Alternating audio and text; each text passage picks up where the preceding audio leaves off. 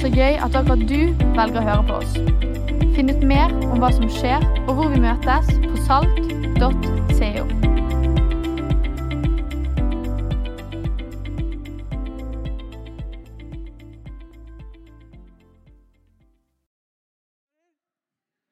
Gi det en applaus.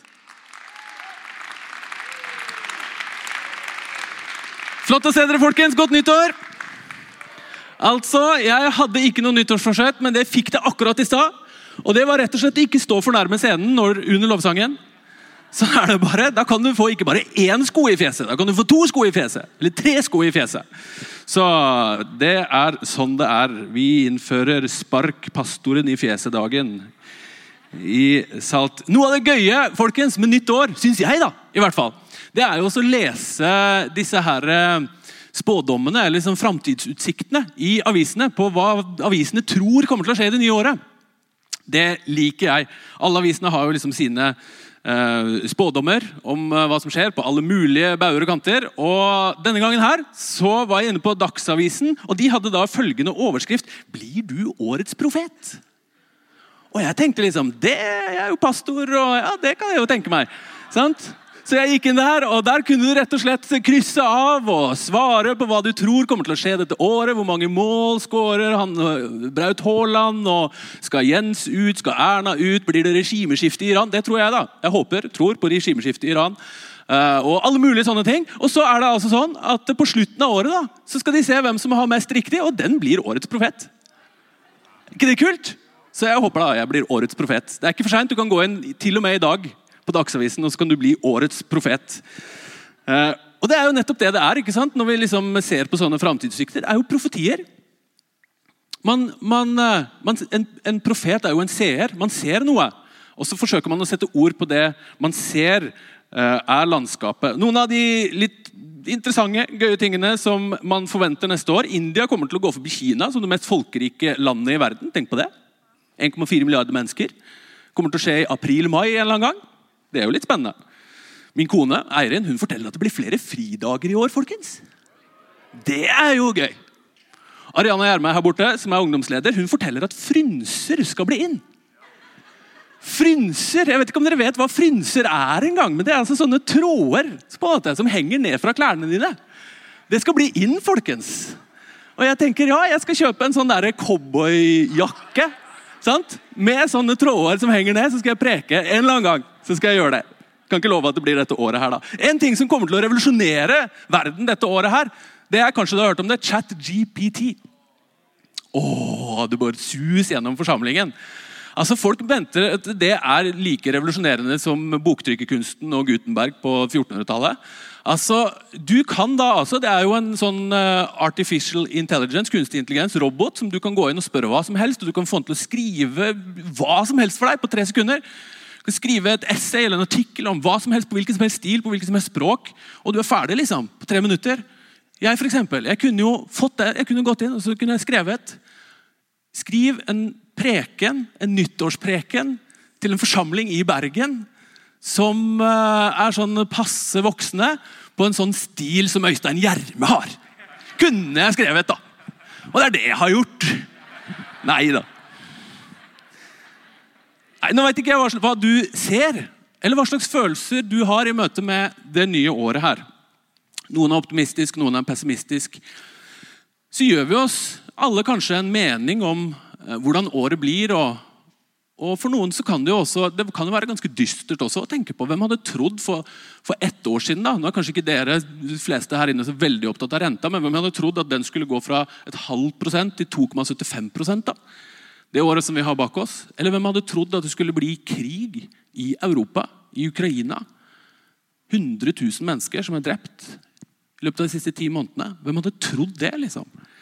Og Det kan være ganske mørkt Det kan virke ganske mørkt. Og Når det er mørkt, når det er usikkert, da, da er vi mennesker sånn at vi kan bli litt mørkeredd. Og, og vi mister litt oversikten. Måten vi ser på, folkens, hva vi ser, og måten vi ser på når vi ser på framtiden, har så mye å si for hvordan vi har det i livet og hvordan vi har det her inne. Og Vi skal snakke om hvordan vi ser i dag. Hvilket lys vi ser i når vi ser på framtiden og når vi ser på dette året. her. Og Jeg har lyst til å gjøre Paulus sin bønn når han ber for kirken i Efesus. Jeg har lyst til å gjøre den til vår innledningsvis i dag. Jeg ber om at vår Herre Jesu Kristi Gud, herlighetens Far, må la dere få en ånd som gir visdom og åpenbaring, så dere lærer Gud å kjenne. Må han gi dere lys til hjertets øyne, så dere får innsikt i det håp han har kalt dere til. Hvor rik og herlig hans arv er for de hellige, og hvor overveldende hans kraft er for oss som tror. Herre, vi inviterer deg akkurat nå. La oss få se med dine øyne. Herre, gi oss lys til hjertets øyne på våre liv og dette året her og den framtiden som vi går i møte. I Jesu navn. Amen. Vi skal til eh, Lukas 2, til julefortellingen. Altså, Jeg er ikke helt ferdig med jula enda. Jeg vet ikke Hvor lenge er det lov å holde på med jula? liksom? Altså, uh, dette, dette, er jo en sånn konflikt vi har i heimen vår. i hvert fall. Eller en, en, konflikt som jeg har med alle de som vil ha jula tidlig. Altså, Min kone hun vil starte tidlig, og så vil hun slutte tidlig med jula. Hun vil gjerne starte liksom, med juletreet i begynnelsen av desember, men på en måte tredje juledag, da skal du ut igjen. Mens jeg tenker nei, jeg vil heller starte seint. Og så vil jeg sitte der i jula og så vil jeg se på det juletreet. liksom. Jeg vil kjenne på julestemningen. Er det noen flere som meg her inne? Vi som vil ha jula litt lenger? Ja, vi er noen, i hvert fall. Men eh, jula varer helt til påske, så her er vi i julefortellingen. Vi er i Lukas 2. Uh, eh, og Josef og Maria de har med seg det lille Jesusbarnet til tempelet. Det har gått en del dager, renselsestiden er over, står det i Lukas 2. Og så har de med seg dette lille barnet inn til tempelet, sånn som loven sa den gangen der. Og Så møter de en gammel kar som heter Simeon. Og Simeon han, eh, han har levd med Gud gjennom et langt liv. og, og, og Han ber til Gud, og han hører fra Gud. Og, og han har fått høre fra Gud at han skal ikke dø før han har sett Herrens salvede, eller Messias, eller han som skulle redde israelsfolket. Og For å skjønne det så må vi ha litt kontekst. fordi at Israelsfolket, deres historie, det var en historie av undertrykkelse. Når de ble forma som folk, så var det etter at de hadde vært i slaveri i 400 år. Så hadde, de, så hadde de kommet seg ut av Egypt, og det var det som forma de som folk. Undertrykkelsen, friheten fra undertrykkelsen. Så hadde de kommet seg inn i det landet de skulle ha, og kjempa for overlevelsen sin i møte med naboene. og Så ble de en stor nasjon, men så, så, så, kom det noen andre større nasjoner, Syria og Babylon, og så ødela de alt. og Så bortførte de folket, og bare en liten rest var igjen. og De var i eksil under undertrykkelse, sterk undertrykkelse. Så klarte de å komme tilbake igjen. Og nå var det altså Romerriket på denne tiden vi leser om her. Romerriket, kanskje et av de mest brutale og voldelige og undertrykkende regimene bare noen titalls år tidligere så, så hadde de invadert og okkuperte Judea. Men gjennom alt dette her så så hadde israelsfolket med seg en fortelling om at det, skulle komme en frelse. Det skulle komme en, en, redningsmann, en Herrens salvede, en Messias. Og Simon han står der midt i mørke og undertrykkelse og vold. Bare, bare noen tiår tidligere så hadde de korsfesta 2000 opprørere på en gang. Hengt de opp på kors langs etter veien. Tenk på det, da. Hva gjør det? Det må ha vært et djupt rop liksom, i hele folket om frihet fra undertrykkelse så står Simon der. Og Jeg vet ikke hva du hadde tenkt om du hadde fått et sånt løfte. Du skal ikke dø før du har sett Herren salve deg. Hva hadde du, hva hadde du sett etter, liksom? Sannsynligvis hadde du sett etter noe som kunne vise litt styrke, eller, eller, en politisk kraft eller en økonomisk kraft, eller noe som liksom kunne gi deg et, et håp. Men, men Simen ser på en annen måte. Står med det lille barnet i hendene og det unge paret som nesten bare er barn sjøl. Ikke har de penger, og de fattige, og de kommer til han. Og så ser han på en annen måte. Og Det han ser, det får han til å juble innvendig og bryter ut i lovprisning. Og så sier han, 'Herre, nå lar du din tjener fare herfra i fred, slik som du har lovet.' For mine øyne har sett din frelse, som du har gjort i stand, like for ansiktet på alle folk. Et lys til åpenbaring for hedningene og ditt folk Israel til ære. Han ser noe annet.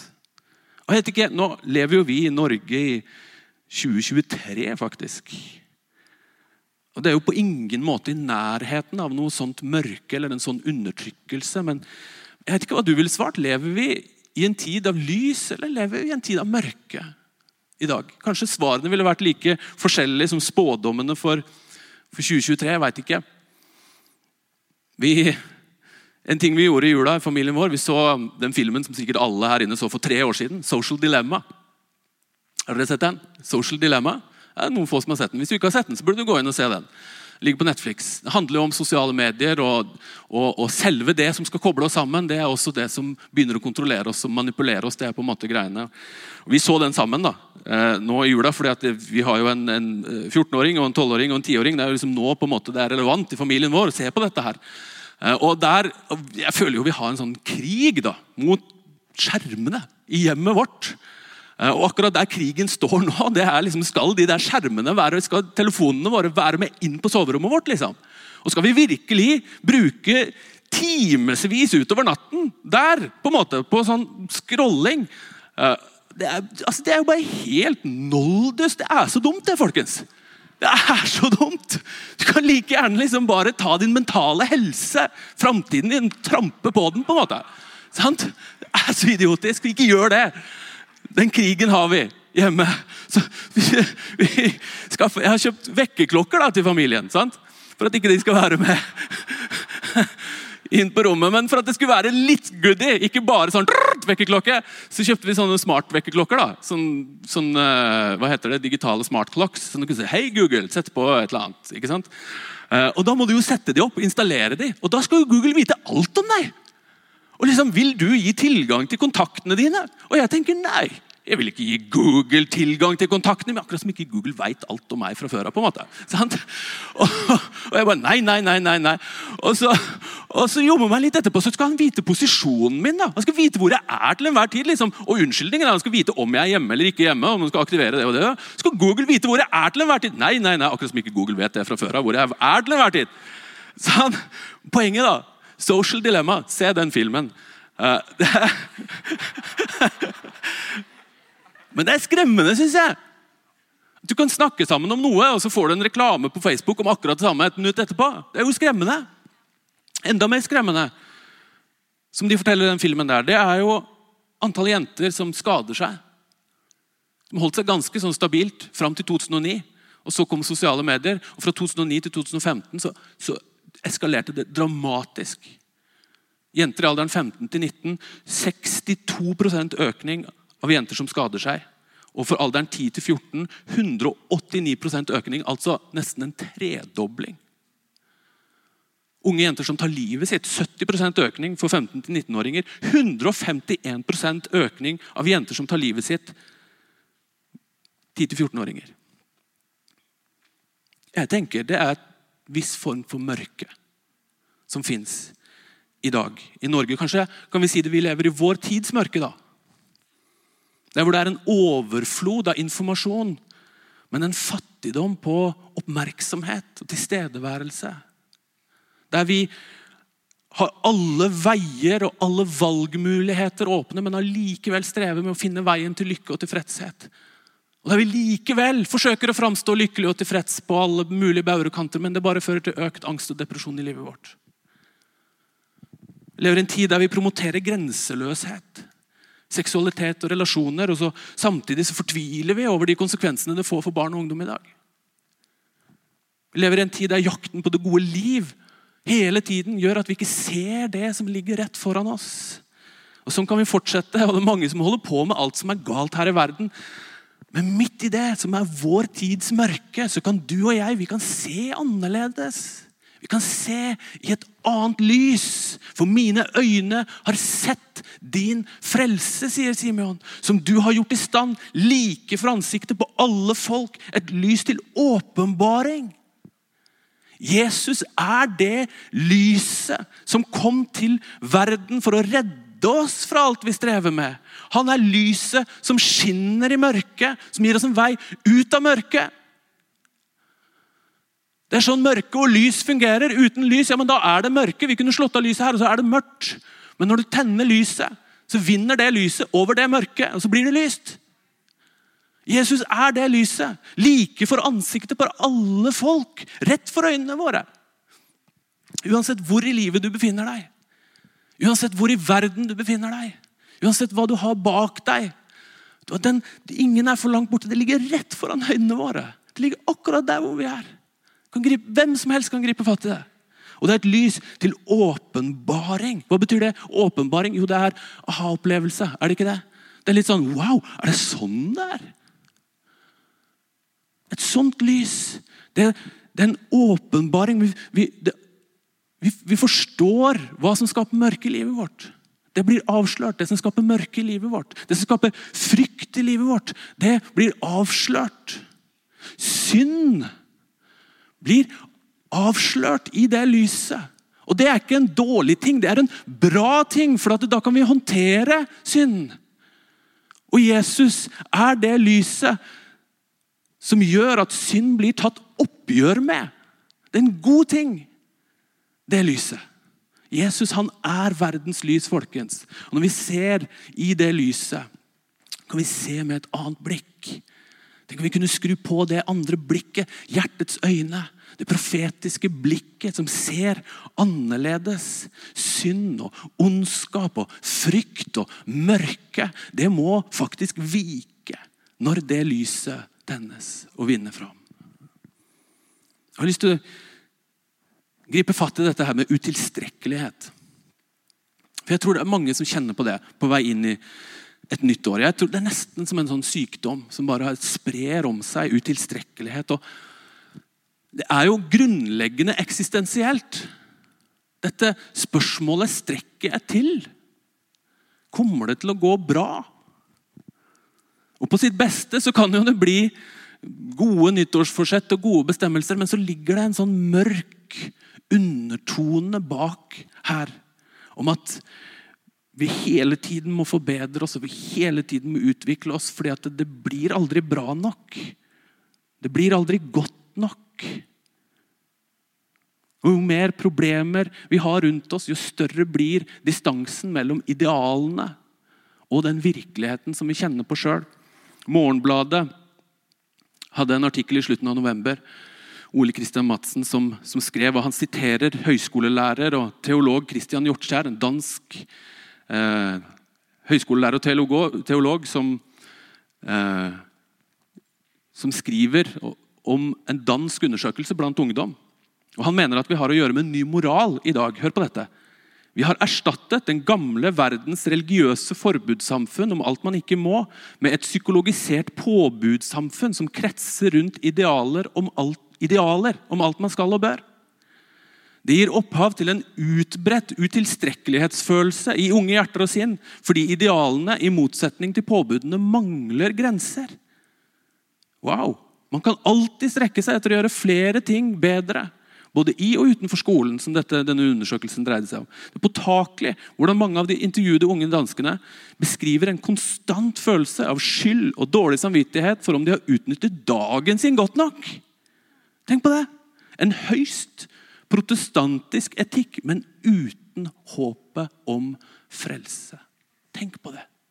Trolig godt observert, trolig godt beskrevet. Jeg tror konsekvensene er mye større enn det vi forstår av det gapet mellom ideal og virkelighet. Hvordan vi har det i dag. Hva, hva er problemet da med disse idealene som blir så grenseløse, og den utilstrekkelighetsfølelsen? Jo, det er jo det at det trekker oppmerksomheten vår på alt som ikke er der ennå. Alt vi ikke har. Alt vi ikke får til. Alt vi ikke, som ikke er på plass i livet vårt. Alltid noe annet Alltid noe mer. Det blir aldri nok. Det blir aldri godt nok. Hva om vi gjør det motsatte? folkens? Hva om vi ser på det vi faktisk har? da? Jeg tror at motgiften til utilstrekkelighet er takknemlighet. Noe så enkelt som takknemlighet. Og Jeg har lyst til å slå et slag for takknemlighet inn i det nye året. For hva er det takknemligheten gjør? Jo, takknemligheten den ser jo på det som er. På det du faktisk har, eller på det som faktisk har skjedd. Og så ser den det positive verdien i det. Og så anerkjenner den det, at ja, det kommer fra en plass. Det er en kilde til dette gode, og den kilden skal ha takk. En fantastisk ting! Og skaper noe helt annet i våre liv enn utilstrekkelighetsfølelsen. Når vi kommer til gudstjeneste, ja, så ber vi for alt som ikke er der ennå. Men før vi gjør det, så takker vi for det som er. Og vet du hva? Det er noe å øve opp, folkens. Det kan være du sitter her og så føler du ikke at det er så fryktelig mye å takke for. Men vet du hva? Du har mye å takke for. Det er mye der. Men det er en muskel som du trenger å øve opp i å se det som faktisk er der. Og Simon han står der i tempelet, midt i det mørkeste av alle omgivelser. Det ser håpløst ut, men han ser noe annet. Han ser annerledes. Og Så bryter han ut i lovsang og lovprisning. Mine øyne har sett din frelse. Folkens, når vi ser Jesus, så forandrer det seg. Uansett hvor mørkt det ser ut, eller hvordan det nye året ser ut, så har jeg lyst til å oppmuntre deg til å se hva som fins i Jesus Kristus. Paulus han åpner brevet sitt til efeserne. Så åpner han det på denne måten. Velsignet er Gud, vår Herre Jesu Kristus Far. Han som i Kristus har velsignet oss med all åndelig velsignelse i himmelen. I Kristus utvalgte han oss før verdens grunnvoll ble lagt, til å stå for hans ansikt, hellig, uten feil, i kjærlighet.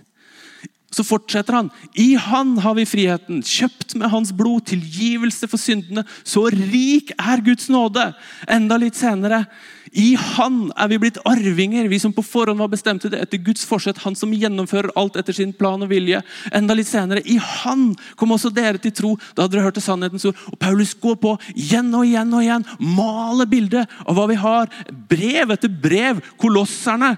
I Han er alle visdommens og kunnskapens skatter skjult til stede. Wow! Om vi bare kunne se. David mest kjente salmen i hele verden. David var ikke ukjent med motgang, men han står der og så sier han, 'Herren er min hyrde. Jeg mangler ikke noe.' Tenk å kunne si det. Det er noe annet enn utilstrekkelighet og uoppnåelighet. Jesus folkens, han er verdens lys. Han er lyset som skinner i mørket. Jeg har lyst til å invitere deg til å se i det lyset. Med det blikket, med det profetiske blikket. Takknemlighet er motgiften til utilstrekkelighetsfølelse. Som så lett setter seg i oss. Det vi, der vi ikke strekker til, der strekker han til. Det vi ikke får til, det har han fått til. Kanskje blir det annerledes enn det du så for deg, men vet du hva? i han så ser vi klart. I romjula så hadde vi gleden av å hjelpe til på den årlige julefesten til KIA, Kristent interkulturelt arbeid. De har en sånn årlig juletrefest for flyktninger og asylsøkere i Bergen. Juletrefest, det er, det er gøy.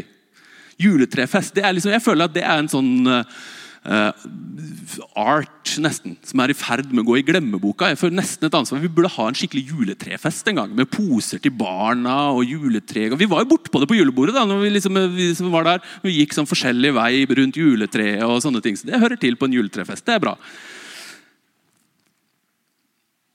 Det er bra med juletrefest. Men jeg var der, og, og dette året her så skulle jeg ha appell. da. Og Det var overvekt av ukrainere der. Masse kvinner og barn fra Ukraina. Veldig få menn. Hva sier du da? Til kvinner og barn som har mista fedrene sine, mennene sine, sønnene sine, brødrene sine, kanskje. Eller i hvert fall ikke er sammen med de. Jeg kjente på en sånn frimodighet i at ja, men dette lyset som skinner i mørket Forkynte det med frimodighet. Folkens, Det er når mørket er størst, når det er helt mørkt, da ser du det tydeligst at det tennes et lys.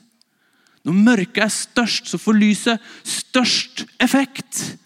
Og folkens, Evangeliets lys det er på sitt klareste i møte med ondskapens mørke. Kontrasten blir så stor, da. Men vet du hva? Lyset vinner over mørket. Hva er det som skjer på korset? Jo, når ondskapen tror den har vunnet, så har den tapt. Hør på dette. Paulus igjen. Han kledde maktene og åndskreftene nakne og stilte dem fram til spott og spe da han viste seg som seierherre over dem på korset. Høres paradoksalt ut. Vet du hva? De øyeblikket de onde kreftene trodde de hadde vunnet, så hadde de tapt. Og det folkens, det er evangeliets kraft. Kraften i synd og ondskap og mørke det er at det avler mer synd og mer ondskap. Trenger ikke å dra til Ukraina for å skjønne det. Trenger ikke å dra lenger enn våre egne liv. Hvis noen slår deg i fjeset, så har du lyst til å kline til tilbake. Hvis noen fornærmer deg, så vil du fornærme tilbake enda litt mer. gjerne. Hvis noen er gjerrig med deg, så skal du i hvert fall noen være gjerrig med de òg. Det er logikken i synd. Men på korset så brytes den sirkelen der. Den, den, nedadgående sirkelen der, den brytes på korset. Og Det er kraften i evangeliet. Og Når vi tror på det, når vi lar det få skinne, så blir det en virkelighet i våre liv, folkens. Det er gode nyheter for oss. Når, når det vi bærer med oss av materialisme og stolthet og egoisme og selvhevdelse og saker og ting som vi alle bærer med oss. Vet du hva, Når evangeliet får lov å skinne på det, ja, men da, da, da, da kan det jo håndteres. Da Da kan det jo gjøres noe med. liksom. Det kan bli deala med. Det er bra. Det er gode nyheter. Og Det gjelder på vinternatten i Ukraina, det gjelder på koronaoverfylte sykehus i Kina, det gjelder på landsbygda i India, det gjelder her, i hyblene i Bergen. Det gjelder i ditt og mitt liv. Du og jeg som blir så lett mørkredd i møte med framtiden, i møte med det som ligger foran. Det gjelder i våre liv, og det er gode nyheter. Lyset som vinner over mørket. Og Det lyset her, folkens, det kan vi bære med oss ut i vår verden, ut i vår hverdag. Er folk rundt oss overalt som strever med alt mulig rart, og som det finnes ulike former for mørke. Men vet Du du og jeg vi trenger ikke å skamme oss over evangeliets lys. Vi kan rette oss i ryggen, vi kan heve blikket, og så kan vi gå ut. Det handler ikke om å få rett i en diskusjon. liksom. Det handler om at vi kan tenne et lys i mørket. Der hvor det mørke har fått makt, så kan vi tenne et lys oppmuntrer deg i møte med det året som ligger foran, til å være frimodig. Til å rette deg i ryggen. Tenke at vet du hva, dette er faktisk bra. Paulus han forteller rundt omkring til høy og lav gjennom et langt liv. og så På slutten så står han foran eliten i den romerske, eh, de som styrer. Og eliten i hoffet, i det hebraiske hoffet som samarbeida med romerne. Og Når han står og så snakker han foran de, så er det nesten som et ekko ekko av Simons sin lovsang. Vi leser det i Apostelens i 26. Men til denne dag har Gud hjulpet meg, så jeg har vitnet for høy og lav. Jeg har ikke sagt annet enn det profeten og Moses sa skulle hende, at Messias skulle lide, og at han som den første skulle stå opp fra de døde og forkynne lyset både for sitt eget folk og for hedningefolkene. Rett deg i ryggen, kjære deg. Jeg har så lyst til å invitere deg, utfordre deg til å gå i møte med dette året her og se med andre øyne. Bli årets profet. Se med et profetisk blikk. Se med hjertets øyne. Det er så mye, både her inne og i vår indre verden og i vår ytre verden, som forsøker å, å skape frykt og utilstrekkelighet og mørke. Men Jesus han er lyset som kom til verden. Når vi ser i hans lys, så blir det takknemlighet, og så blir det lovprisning, og så blir det et lys som vi kan bære med oss ut i verden. Kan vi ikke reise oss sammen? Så ber vi.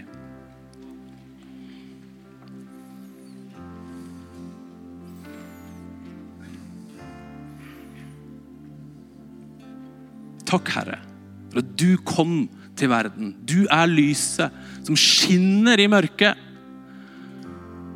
Du er lyset som, som lyser opp både i vårt indre landskap Herre, og i vår verden. Herre, vi, vi vil se det. Vi inviterer deg, Herre, til å skinne i våre liv, i våre tanker. Inviterer det lyset fra deg, Herre, til å ta plass i livet vårt. Herre, vis oss hva vi har i deg. Herre, vis oss, Herre, hvordan du ser på vår verden. Vis oss hvordan du ser på våre liv. Gi oss evangeliets blikk og evangeliets lys i dag, Herre. I Jesu navn. Jesu navn.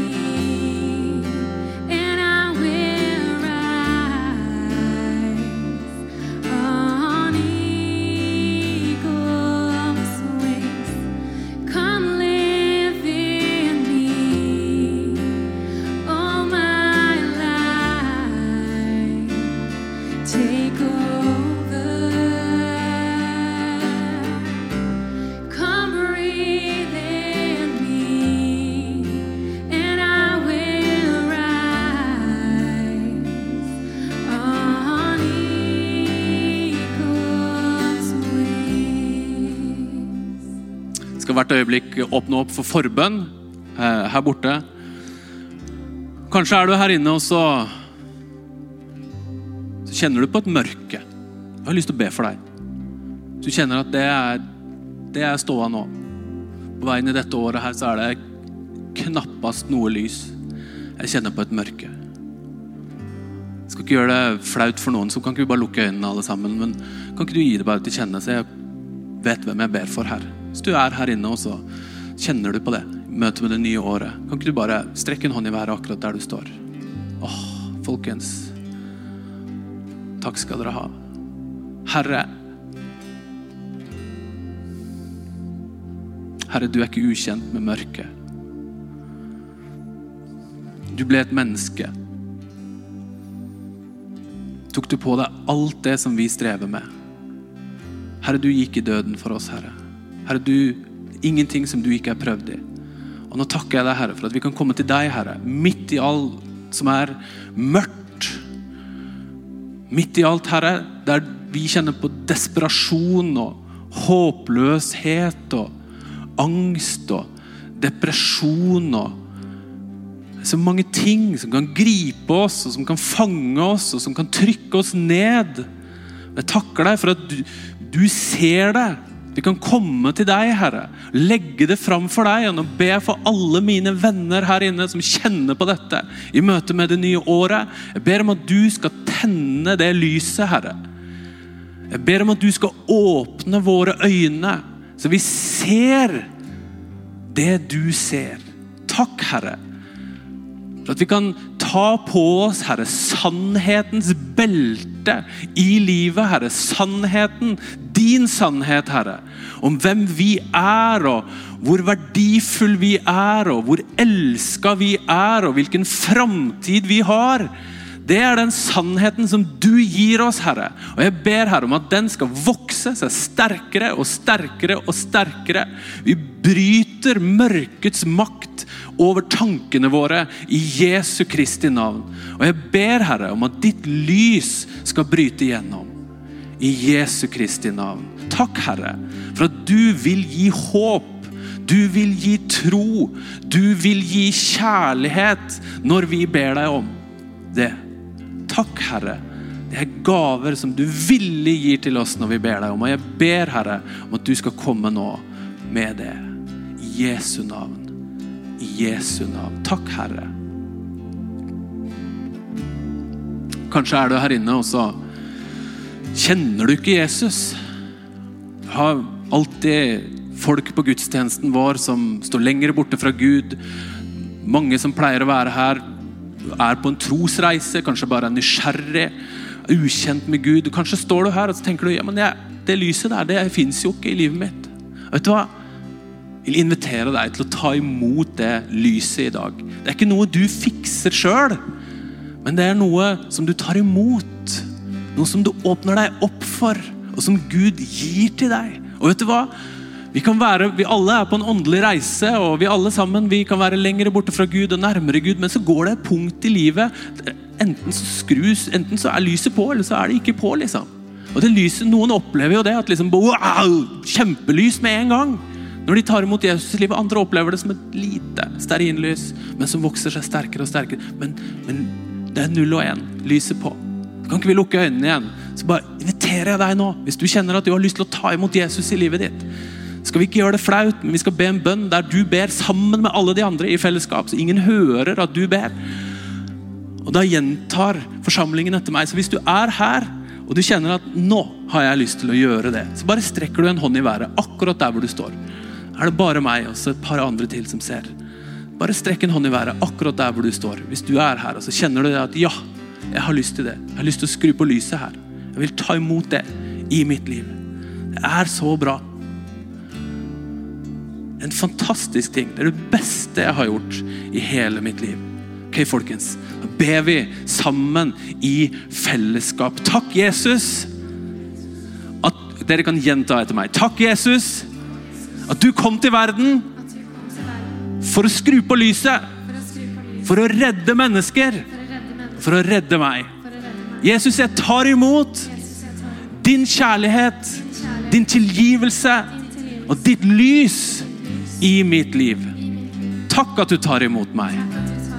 Amen. Amen. Folkens, da er vi litt i lovsang og tilbedelse. Og her borte er det masse forbedere. Du kan sige ut av benkeraden hvis du har noe du har lyst til at de skal be for. Eller bare en velsignelse. Det kan være stort, det kan være lite. Kanskje du har sykdom. Det er masse folk her borte som har så lyst til å be for deg, så da bare siger du ut av benkeraden mens vi andre vi er i lovsang og tilbedelse.